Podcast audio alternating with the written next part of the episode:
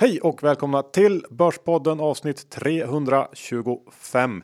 Vi spelar in på onsdagen den 13 november och John, vi har en huvudsponsor i form av IG. Det har vi och ni vet ju att Erik Hansén har ju rivit nätet med sin eh, SAS-rek. Eh, jag tycker verkligen man ska signa upp på eh, hans morgonbrev för det är fantastiskt. Och där kan man passa på att se om det finns något case för att trada de här nya turbovaranterna som IG har. Det är hög risk, men det finns också väldigt många fördelar som gör att man kan dra ner risken på en sån här turbovarant. Johan, kan du säga något? Ja, Turbo 24 är ju namnet John och vad har vi för fördelar? Ja, men du kan sätta din egen stopplossnivå. Den handlas dygnet runt. Ja, det finns hur mycket som helst. Gå in på ig.com och läs mer. Erik Hansén har dessutom gjort en väldigt trevlig film. Ja. Det här har ju varit en ganska tung vecka för mig. Eh, som alla vet så kom det ett bud här i början på veckan och det har ju rört om lite i grytan om man säger så. Vi kommer ju prata om det såklart. Eh, dessutom så har det kommit in en hel del eh, småbolagsrapporter, små och medelstora bolag. Det är kul, eh, för det kan man prata om och det kommer vi göra idag. Vad har vi mer John? Ja, vi har ju eh, lite oroväckande om börsens öppettider tycker en del. Jag tycker det är bra. Sen måste vi faktiskt prata lite om årets eh, ledare middag som jag har varit på. Och John, vi har även denna vecka med oss Best Secret som sponsorer. Ni vet det här hemliga modeparadiset som man bara kan ta del av om man blir inbjuden. Ja, man ska komma ihåg att anledningen till att eh, det är lite kinkigt att vara med i det här är ju just att de har så många märkeskläder som är väldigt eh, mycket nedsatta priser på. Eh, och det ska inte alla få ta del av, utan bara de som är uppmärksamma. Så att jag tycker verkligen man ska passa på och se om man hittar något märke som man själv vill köpa till en ja, mycket prisvärd peng. Ja, det stämmer det du säger John. Allt är ju rabatterat med mellan 20 upp till 80% Det är över 3000 exklusiva varumärken. Eh, några som jag gillar till exempel är ju Eton, Oskar Jakobsson, eh, Lindeberg, Tiger of Sweden. Eh, så att det finns ju eh, allt egentligen.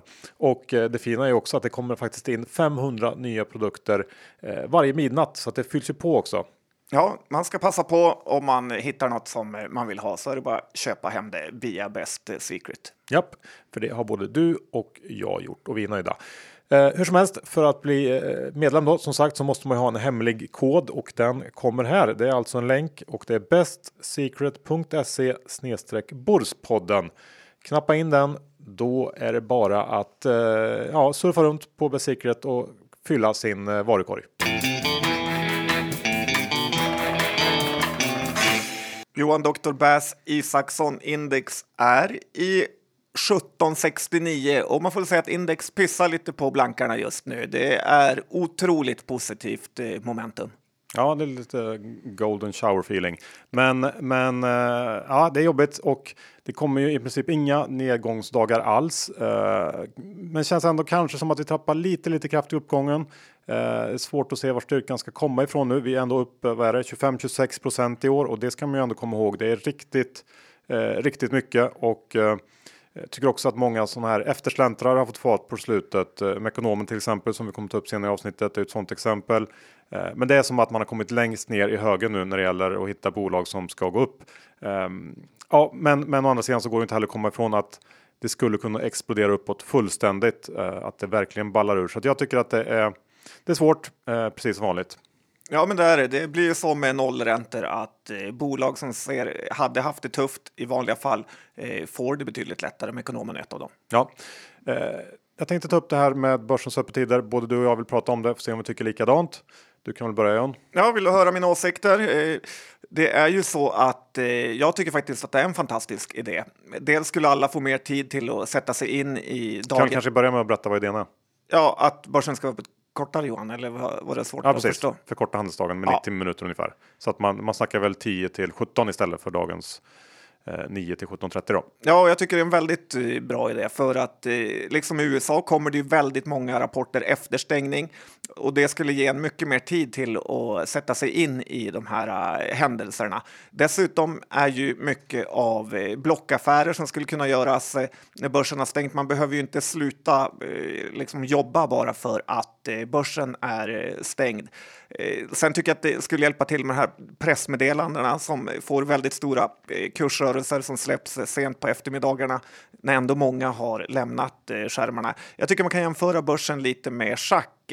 Så är det här tänkandet om vilket drag man ska göra är ju det som tar tid. Att sen utföra själva draget, alltså trada, går ju väldigt eh, fort. Och sen har vi alltid det argumentet som dyker upp om att eh, eh vi ska samköra lite med USA. Jag tycker inte det håller för att större delen av dagen gör vi ju ändå inte det. Så att, eh, ja, jag tycker man kan förkorta den kanske ännu kortare. 9.30 till 16 är mitt förslag. Jo. Mm. Och då får man ju ändå lite samkörning med USA. Ja. Eh, men det tycker jag ändå finns en poäng med att, att vi har delar av dagen öppen samtidigt. Men men jag håller med dig. Eh, jag ser också egentligen bara fördelar med det här förslaget eh, och som det är nu så är ju stora delar av dagarna rätt handelsfattiga och det finns ju egentligen ingen ingen ja, men vettig orsak till att det ska vara öppet så länge som det är. Så att det är bara att köra på. Vi kommer inte protestera. Nej, jag såg att eh, Pensers mäklarchef eh, tyckte att det skulle införas en lunchtimme istället, för han vill äta lunch. Jag tycker det var kanske det sämsta förslaget. Eh, men jag förstår att jobbar man med att titta på börsen hela dagarna så skulle man inte tacka nej till lite lunch. Så är det. Eh, du har varit på middag i veckan, eh, någon slags eh, affärsvärldens ledargala. Ja, middag för årets ledare, eller det skulle utses årets ledare och jag har lite roligt skvaller att rapportera därifrån. Ja, direkt jag kom dit så stötte jag ihop med Jocke Bornholt och det kanske inte finns någon annan person i världen han vill prata mindre med än med mig. Tyvärr för honom så känner inte jag samma sak utan jag pratar gärna på med honom. Eh, sen träffade jag eh, investerarlegendaren eh, Staffan Persson eh, som tydligen brukar lyssna på podden och eh, han sa att det bästa med hela podden är när jag kallar Peter Benson för Peter Bensin. Eh, jag vet inte om det är bra eller dåligt egentligen. Vad tror du? Jag vet inte, det var länge sedan också så att det borde innebära att det inte har varit så bra. Eh, ja, men sen var det dags för middagen, middagen och eh, du vet ju hur det är på ett bröllop. Ju längre bort från honnörsbordet och eh, ju närmare barnbordet man hamnar, desto mer är man ju på utelistan. Och eh, vi kan väl säga så här, jag var inte direkt på honnörsbordet som eh, där jag fick sitta. Jag var där. Jag är ju lite lätt kränkt när det kommer till mitt finanskändisskap, men ändå. Jag hamnade längst bort Eh, med en bordsplacering med en man i typ 50-årsåldern som jobbade på backoffice på typ Odin Fonder. Eh, en tant som jobbade med ESG-frågor på Swedbank. Så att det blev en hel del av, ja, bilen går bra, eh, det var muligt i morse, men nu börjar det klarna upp. Som tur var kom bygg Jessica Lövström där och räddade allt till slut, så det blev bra ändå. Men sen utsågs ju vinnaren då till det här ledarpriset och det var ju Björn Rosengren på eh, Sandvik. Och han gick upp och verkligen tog scenen där som ett fullblodsproffs och drog många bra och roliga stories. Så att, eh, jag tycker faktiskt det räcker för mig för att ändra mig till att börja gilla honom. Jag har alltid trott att Björn Rosengren var en sur finlandssvensk, eh, så att det var lite av en chock för mig när han gick upp på scenen och började snacka göteborgska. Du vet hur jag gillar det. eh, och sen dissade ju Rosengren faktiskt Gardell en hel del också. Det tyckte jag också var roligt och kändes eh, starkt. Så att, ja, tummarna upp för Björn Rosengren. Ja, spännande, spännande. Eh, vi går vidare. Det, eh, börsen är ju som sagt upp en hel del i år och eh, vad snackas det om då? Utköp? Nej. Nedgångar? Nej, men att man eh, ska ligga lång. Ja, det gör det Johan. Och eh, man läser ju mer och mer här på hur rätt det är att vara fullinvesterad hela tiden, för det går ändå inte att tajma marknaden. Eh, det blir väldigt eh, lätt eh, att bli den här typen fooled av randomness som någon känd person sa, som gör att för att man gör något som just nu är rätt så tror man att det alltid är rätt när det egentligen bara är tur. Så här är det ju, när jag gick min första aktiekurs i Uppsala som råkade vara en TA-kurs faktiskt av Max von Liechtenstein. Har du gått den? Check. Ja, så ställde han en fråga där som löd. I Nokias mega bull run mellan 97 och 2000 då aktien gick upp mer än 100 gånger pengarna. Eh, hur många dagar tror du att eh, aktien gick ned av de här? Och folk gissade ju på väldigt, väldigt eh, få dagar. Det var ju pinsamt lågt. Men svaret var ju då att i 40 procent av alla handelsdagar så gick faktiskt aktien ner.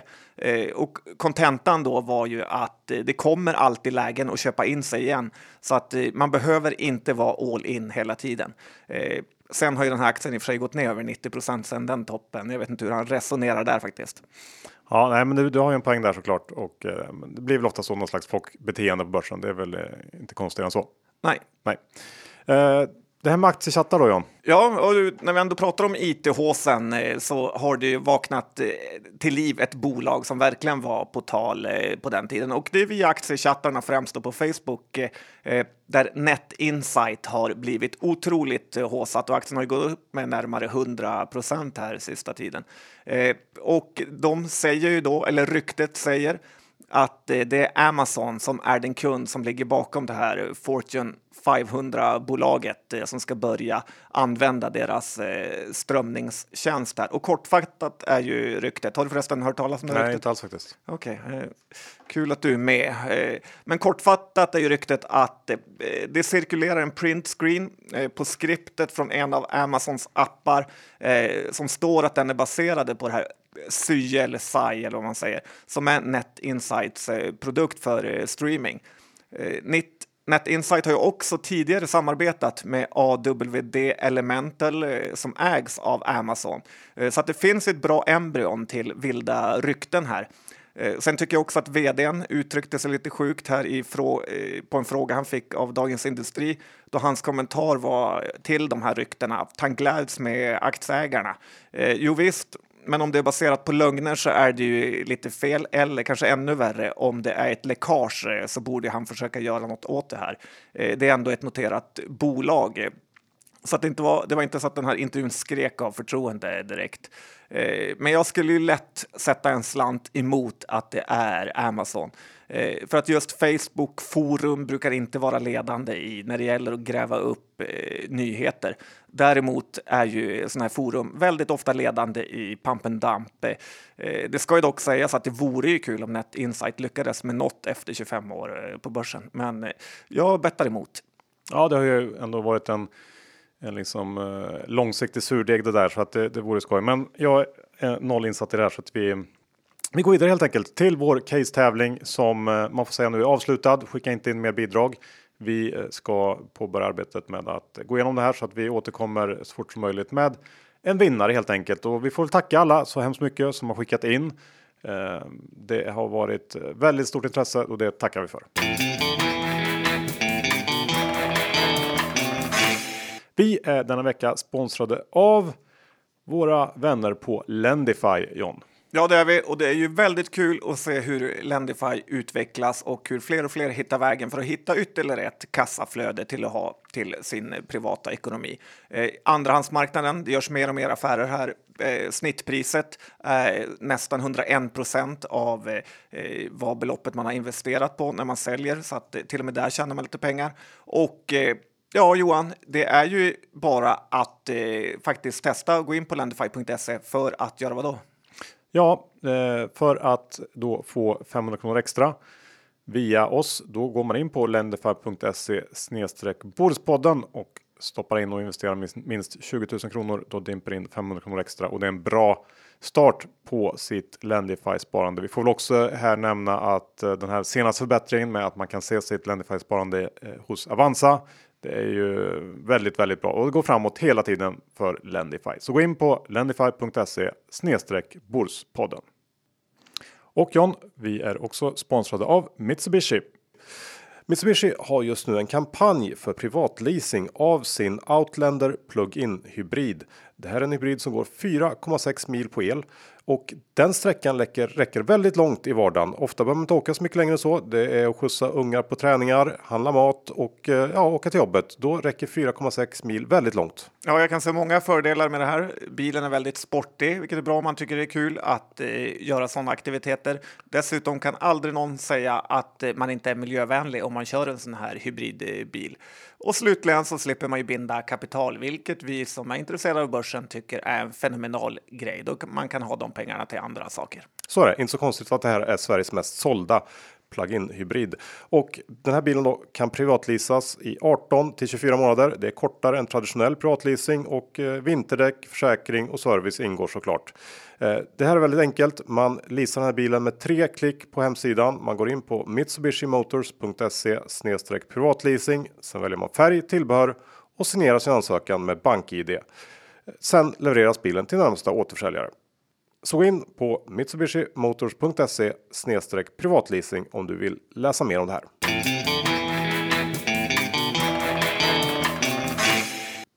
Bra, då har vi kommit till bolagsdelen John och jag tänker att eh, vi börjar med det jobbiga först. Svedol, du var ute förra veckan, snacka om att du trodde att det fanns en möjlighet till bud och eh, det hände väl kanske en gång på tusen år att man har så rätt som du hade förra veckan och det har varit jobbigt som jag sa.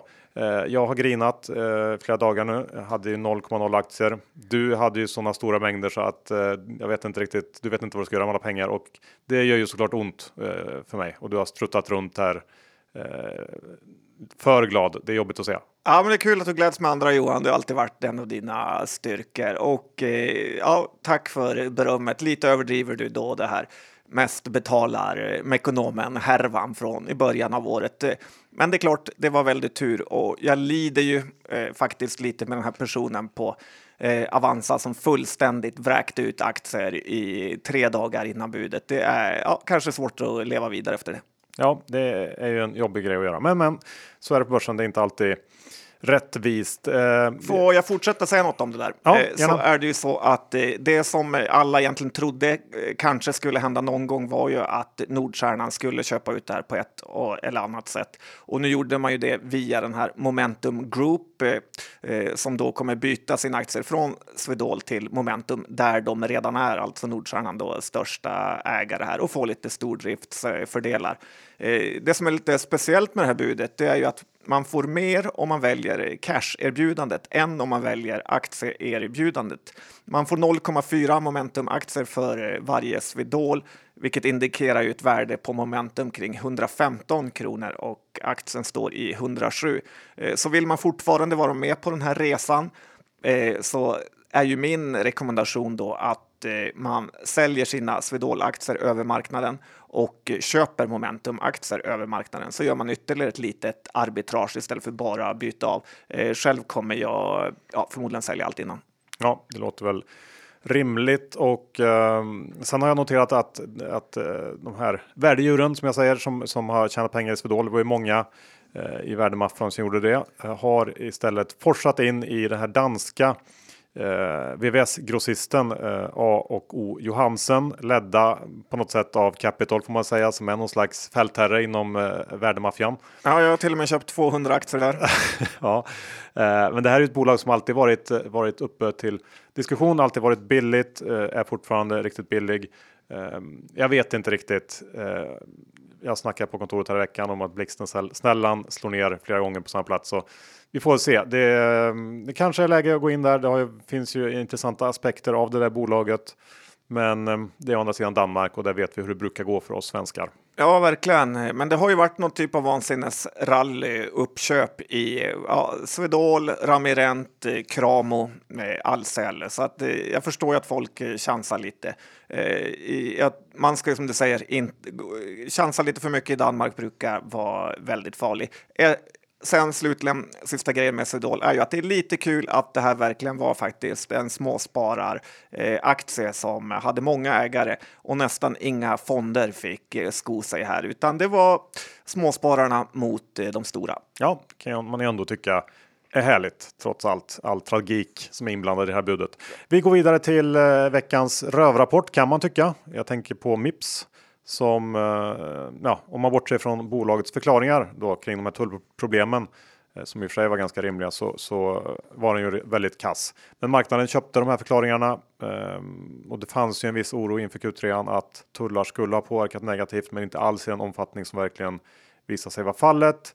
Eh, både försäljning och ebit kom in drygt 20 sämre än väntat och givet den extremt höga värderingen så kan man ju i alla fall jag tycker att det kanske ändå skulle varit rimligt med en liten nedgång. Men nu blev det ju inte så. Aktien öppnade typ 15% ner och stängde 3-4% upp.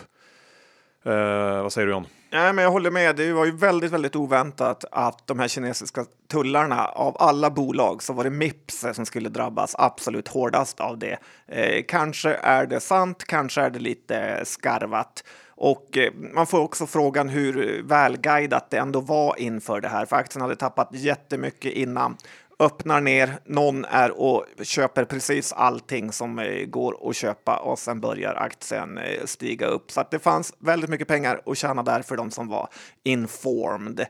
Och eh, det känns ju också så att Mips verkligen måste få igång försäljningen nu för att försvara sitt börsvärde på nästan 4 miljarder. Att tjäna 16 miljoner i kvartalet räcker ju inte riktigt till. Nej, men här vill jag dela ut en liten guldstjärna till Mips IR-avdelning. Satan i gatan vad bra de har eh, sålt in den här storyn. För det är det de har gjort eh, till marknaden som ändå då väljer att helt skita i den här rapporten och eventuella osäkerhetsmoment som den skulle kunna ha eh, ja, infogat i, i aktiekursen utan och bara liksom eh, köper alla, alla förklaringar och tror på den långsiktiga storyn. Eh, snyggt jobbat ändå får man säga. Ja, IR-personer ska inte underskattas. Nej, men sen ska man ändå komma ihåg om man tittar på det här bolaget och, och, och tycker att det är intressant att det kommer ju vara tuffa jämförelsekvartal i både Q4 och Q1. Eh, det här är andra rapporten i rad som den här nya vdn eh, missar och eh, jag gissar ändå att marknaden inte kommer vara lika förlåtande i all evighet så att eh, en miss till vet jag inte riktigt om man kommer att eh, vara lika ja, överseende med.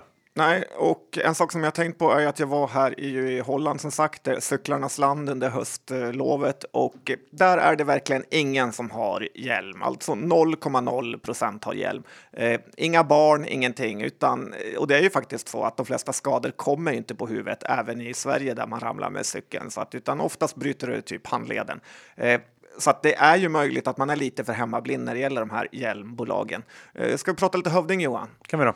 När vi ändå eh, pratar hjälmbolag här och eh, det är ju den här kransen som alla känner till.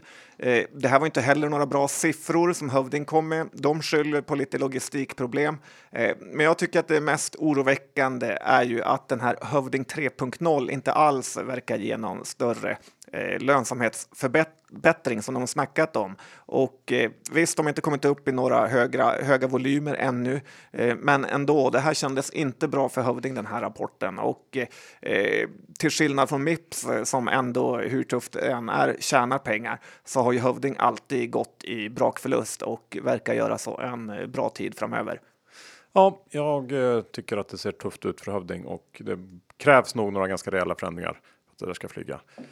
Helt enkelt så att vi, vi lämnar hjälmarna och eh, går över till. Vi kan väl ta Mekonomen. Du var inne lite på att du tyckte du hade förtjänat det här budet eh, på grund av din stora förlust i Mekonomen. Men nu har det kanske vänt för Mekonomen. Det här var väl egentligen tredje rapporten i rad som ändå var helt okej. Okay. Ja, det är lite tråkigt att eh, ofta när man säljer på de här vinstvarningarna så lyckas man ju kanske inte tajma botten, men man är inte heller långt ifrån. Utan kan man hålla ut ett halvår eller så, så är det mycket eh, möjligt att man får tillbaka sina pengar, vilket man i det här fallet nästan har fått.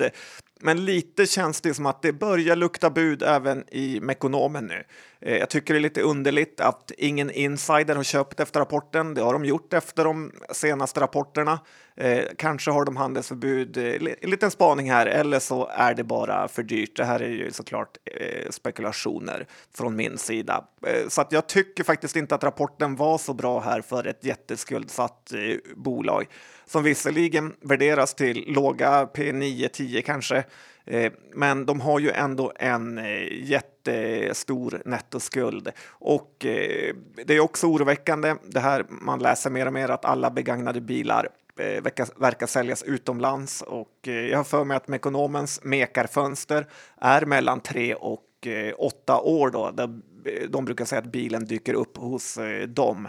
Eh, Mekonomen var väl kanske lite anledningen också till att jag köpte Swedol, för där fick man ju också ett bolag till P10, men i bättre skick och bättre balansräkning. Så att eh, ja, Mekonomen det blir ofta så, ska jag slutligen säga Johan, att det blir ju så med skuldsatta bolag att eh, man får ju bra leverage på aktiekursen när det går bra för att eh, ja, det är det som är själva nyttan med hög skuldsättning. Ja, eh, men så är det väl och jag håller väl eh, i stora drag med dig där. Jag tycker väl att de här budspekulationerna som bubblat upp i Mekonomslutet. Eh, jag skulle snarare vilja vända på det. Att att inte insider köpt kanske kan bero på att den faktiskt är upp 50% sen i augusti. Det är rätt mycket Eh, som du var inne på så är det inte särskilt dyrt eller billigt om man eh, tittar på skuldsidan också och eh, man borde väl ha slagit till tidigare om man nu skulle köpa ut det här.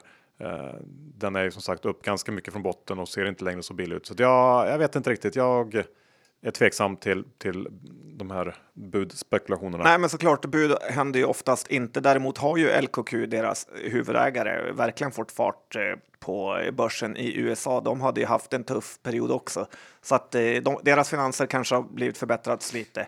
Eh, men som sagt, oftast händer det inte. Nej. Vi går över till en sektor som vi älskar att hata. Jag tänker på dataspel. Det har varit väldigt mycket snack om dataspelsbolagen på slutet och då i negativ bemärkelse.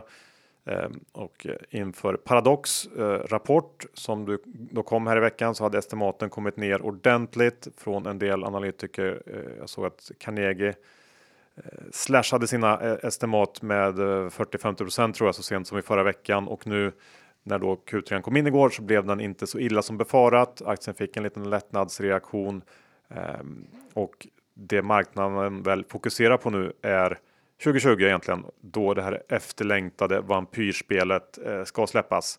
Eh, vi har ju hört en hel del om det. En del eh, väldigt duktiga investerare som jag pratar med tror extremt mycket på det och andra är mer tveksamma.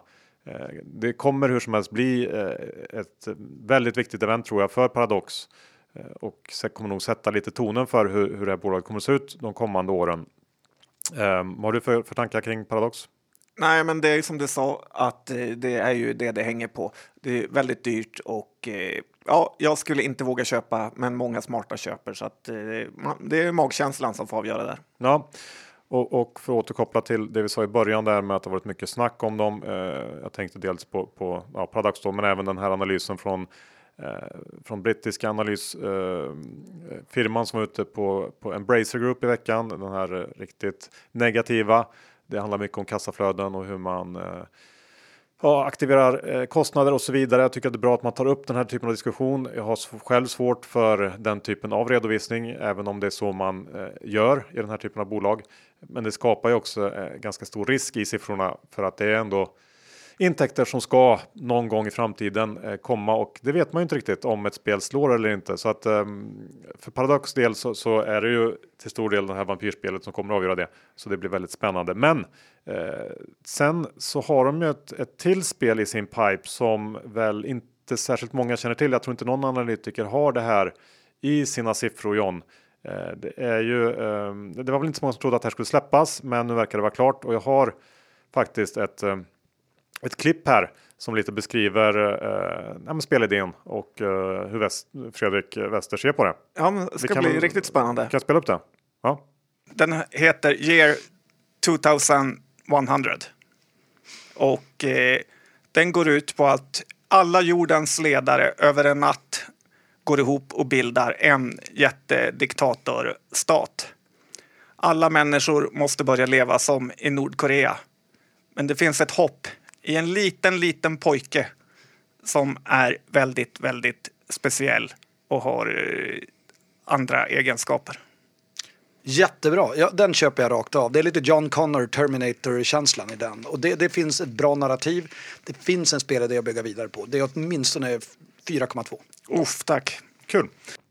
Ja, där har de ju satsat eh, rejält med pengar. Det är mycket som står på spel. Eh, jag, jag, jag kommer köpa det direkt. Ja, och man hör ju att, att uh, Wester är ju minst sagt förhoppningsfull när det gäller det där spelet. Så det blir också spännande att se. Uh, year 2100 som sagt får de lägga in i sina analyser. Uh, vi går vidare till uh, SAS omvänd vinstvarning i veckan. kul tycker jag. Ja, vi har följt eh, SAS mycket och eh, det är ju en, eh, ja, även om det blev lite av Erik Hanséns dag där så har ju vi alltid gillat SAS tradingmöjligheter som den ger oss på börsen. Ja, den går upp och ner mellan, jag vet inte, 10 och 20, 25 typ. Och um, personligen bara så, så, kan jag tycka att det är välförtjänt. Jag väljer alltid SAS, eh, även om det skulle vara lite dyrare än konkurrenterna.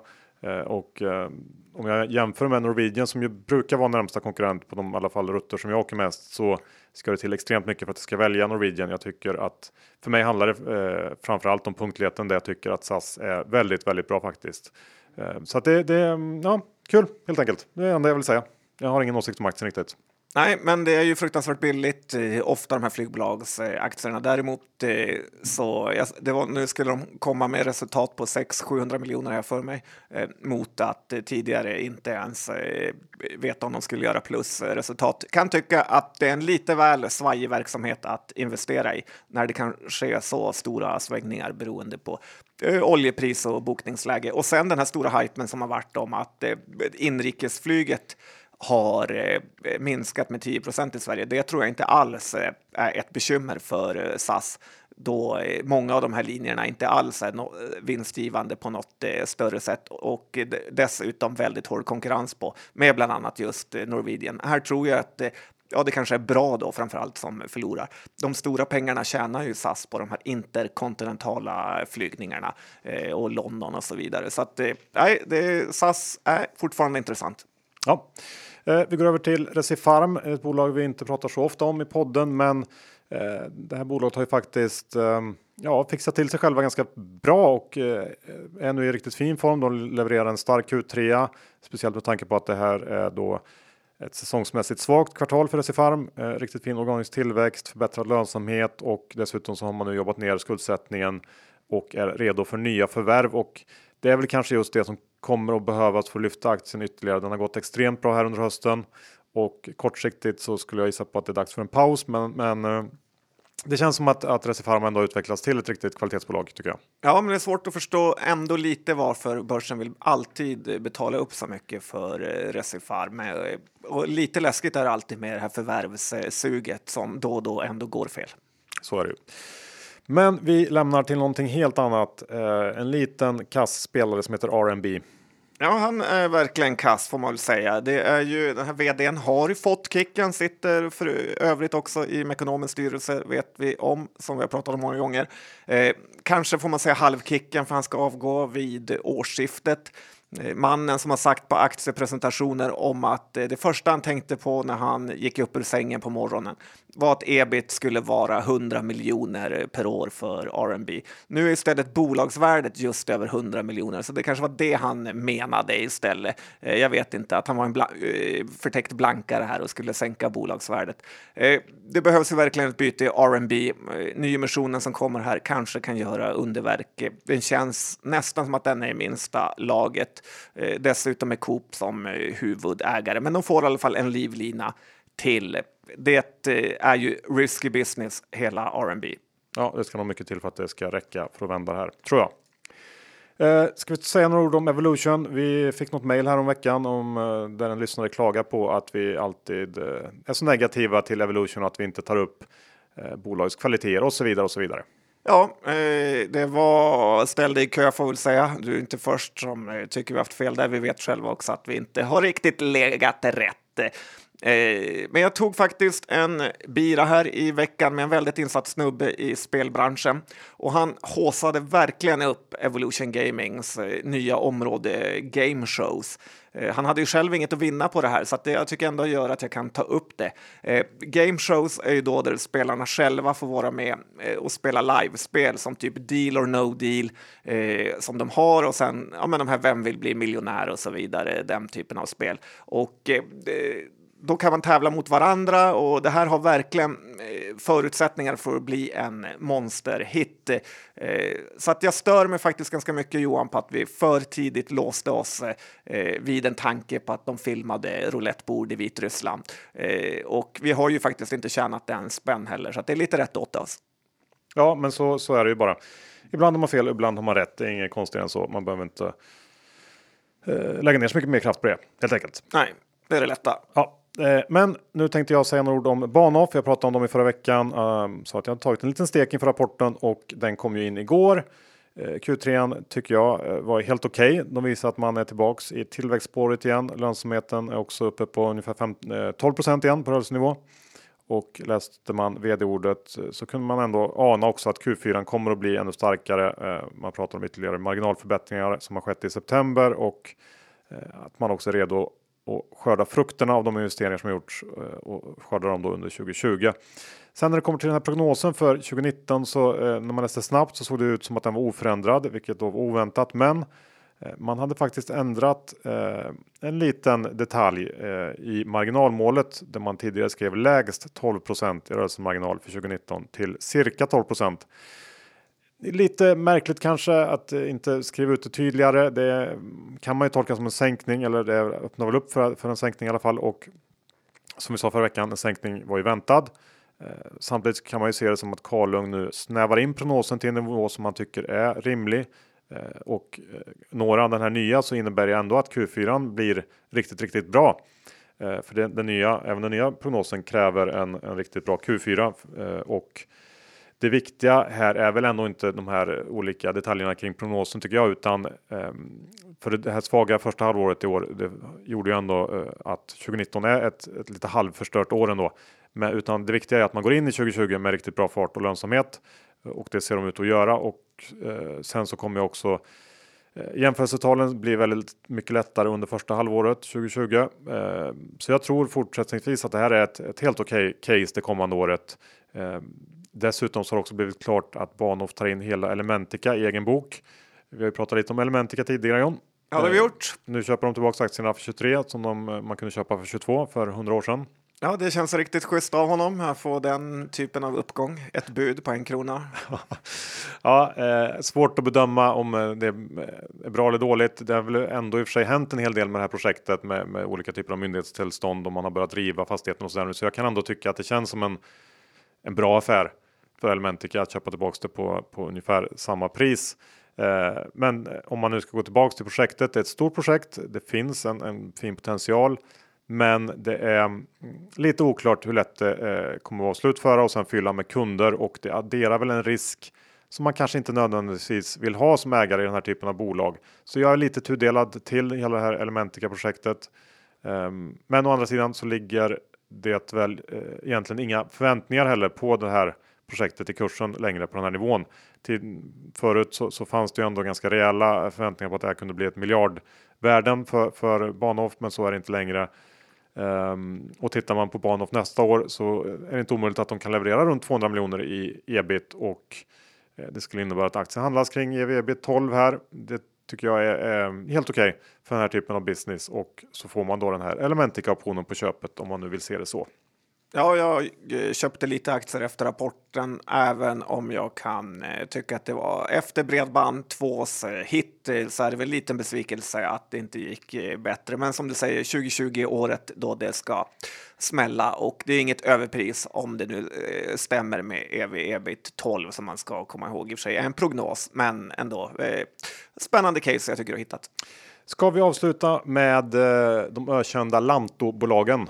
Ja, Jörgen Lantto, man får väl lite Diego Armando Maradona-känsla här, får man inte det? ja, det får du nog utveckla lite.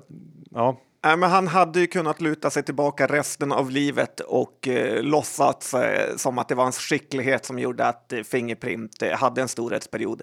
Eh, han hade varit en legend som hade kunnat bli vad som helst i princip. Eh, eh men som så ofta händer så gick han lite på myten om sig själv och eh, blev först eh, ordförande i MyFC eh, som vi på Börspodden här har eh, dissat i princip sen första sekunden vi fick höra talas om det. Eh, som dessutom ligger ju MyFC nu på noll kronor i omsättning. Eh, men nu har han också kört Swipe i backen där han också är ordförande och eh, de gör nu en nyemission väldigt eh, långt ned. Båda bolagen är faktiskt i närheten av varandra storleksmässigt nu. Solanto kanske ska merga dem till ett enda bolag. Eh, vad tror du Johan om nya bolagsnamnet? Eh, Swipe My Ass. Vad, vad säger du om det? Ja, varför inte? Ja, Lanto har lite att jobba på.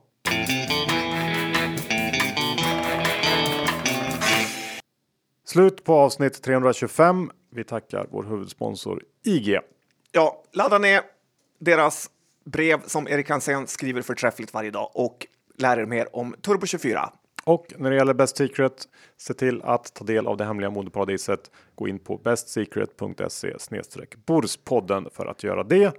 Och ni vet ju såklart att när det gäller Lendify för att få den här femhunkan i startbidrag så ska ni stoppa in 20 000 kronor och investera dem och göra det via lendify.se snedstreck Borspodden. Ja, gratis pengar tackar man aldrig nej till. Ja, Så är det. Vad eh, ser det ut när det gäller innehav idag? Jag är lång Bahnhof. I övrigt så var det väl eh, ingenting tror jag. Du då? Nej, men jag har fortfarande lite Svedol här och jag har lite av det här bolaget, danska bolaget AOJ Jensen, eller vad heter det? Ja, proffs som inte vet vad det heter ens. Ja, bröderna A och J. Ja, precis det, men det är så lite egentligen. Och eh, Eller A och O heter de väl? ja, Skitsamma. ja, och eh, sen Johan, eh, har jag för mig att jag hade något mer för att jag har börjat köpa på mig lite eh, galna bolag. Eh, Kanske lite... Ja, vad Net pra- Insight. Nej, det var ett skämt. Eh, Jag har faktiskt eh, de bolagen. Det var inget mer än så. Nej, bra. Då tackar vi för oss. Hörs om en vecka. Hej då!